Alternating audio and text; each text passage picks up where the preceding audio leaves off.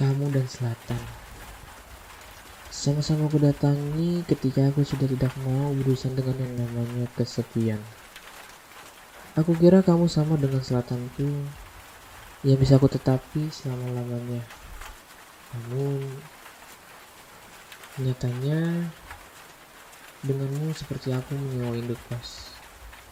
Ia hanya sementara, tidak bisa selama-lamanya. Kamu baik, tapi bukan yang terbaik. Ada hal yang aku katakan ketika aku sudah tidak bersamamu. Jadi, ketika kita sudah memutuskan untuk menjadi teman, aku sudah terbiasa sendiri dan aku jauh lebih baik tanpamu. Hari itu adalah hari terbaik bagiku karena aku dapat menyelesaikan janjiku yaitu melepaskan dia yang tidak menghargaiku. Ternyata benar, bukan tentang siapa yang paling terang, tetapi tentang siapa yang tidak pernah redup. Doa yang baik akan kembali menjadi yang terbaik. Aku mau sih, mau ada kamu lagi, mau sama kamu lagi.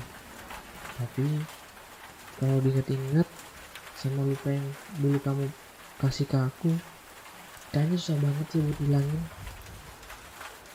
Dan jika aku kembali, sama aja aku mencari penyakit yang baru denganmu. Karena hal yang paling menyakitkan adalah ketika kita berpegangan kepada hal yang menyakiti kita perlahan. Dulu aku hebat ya.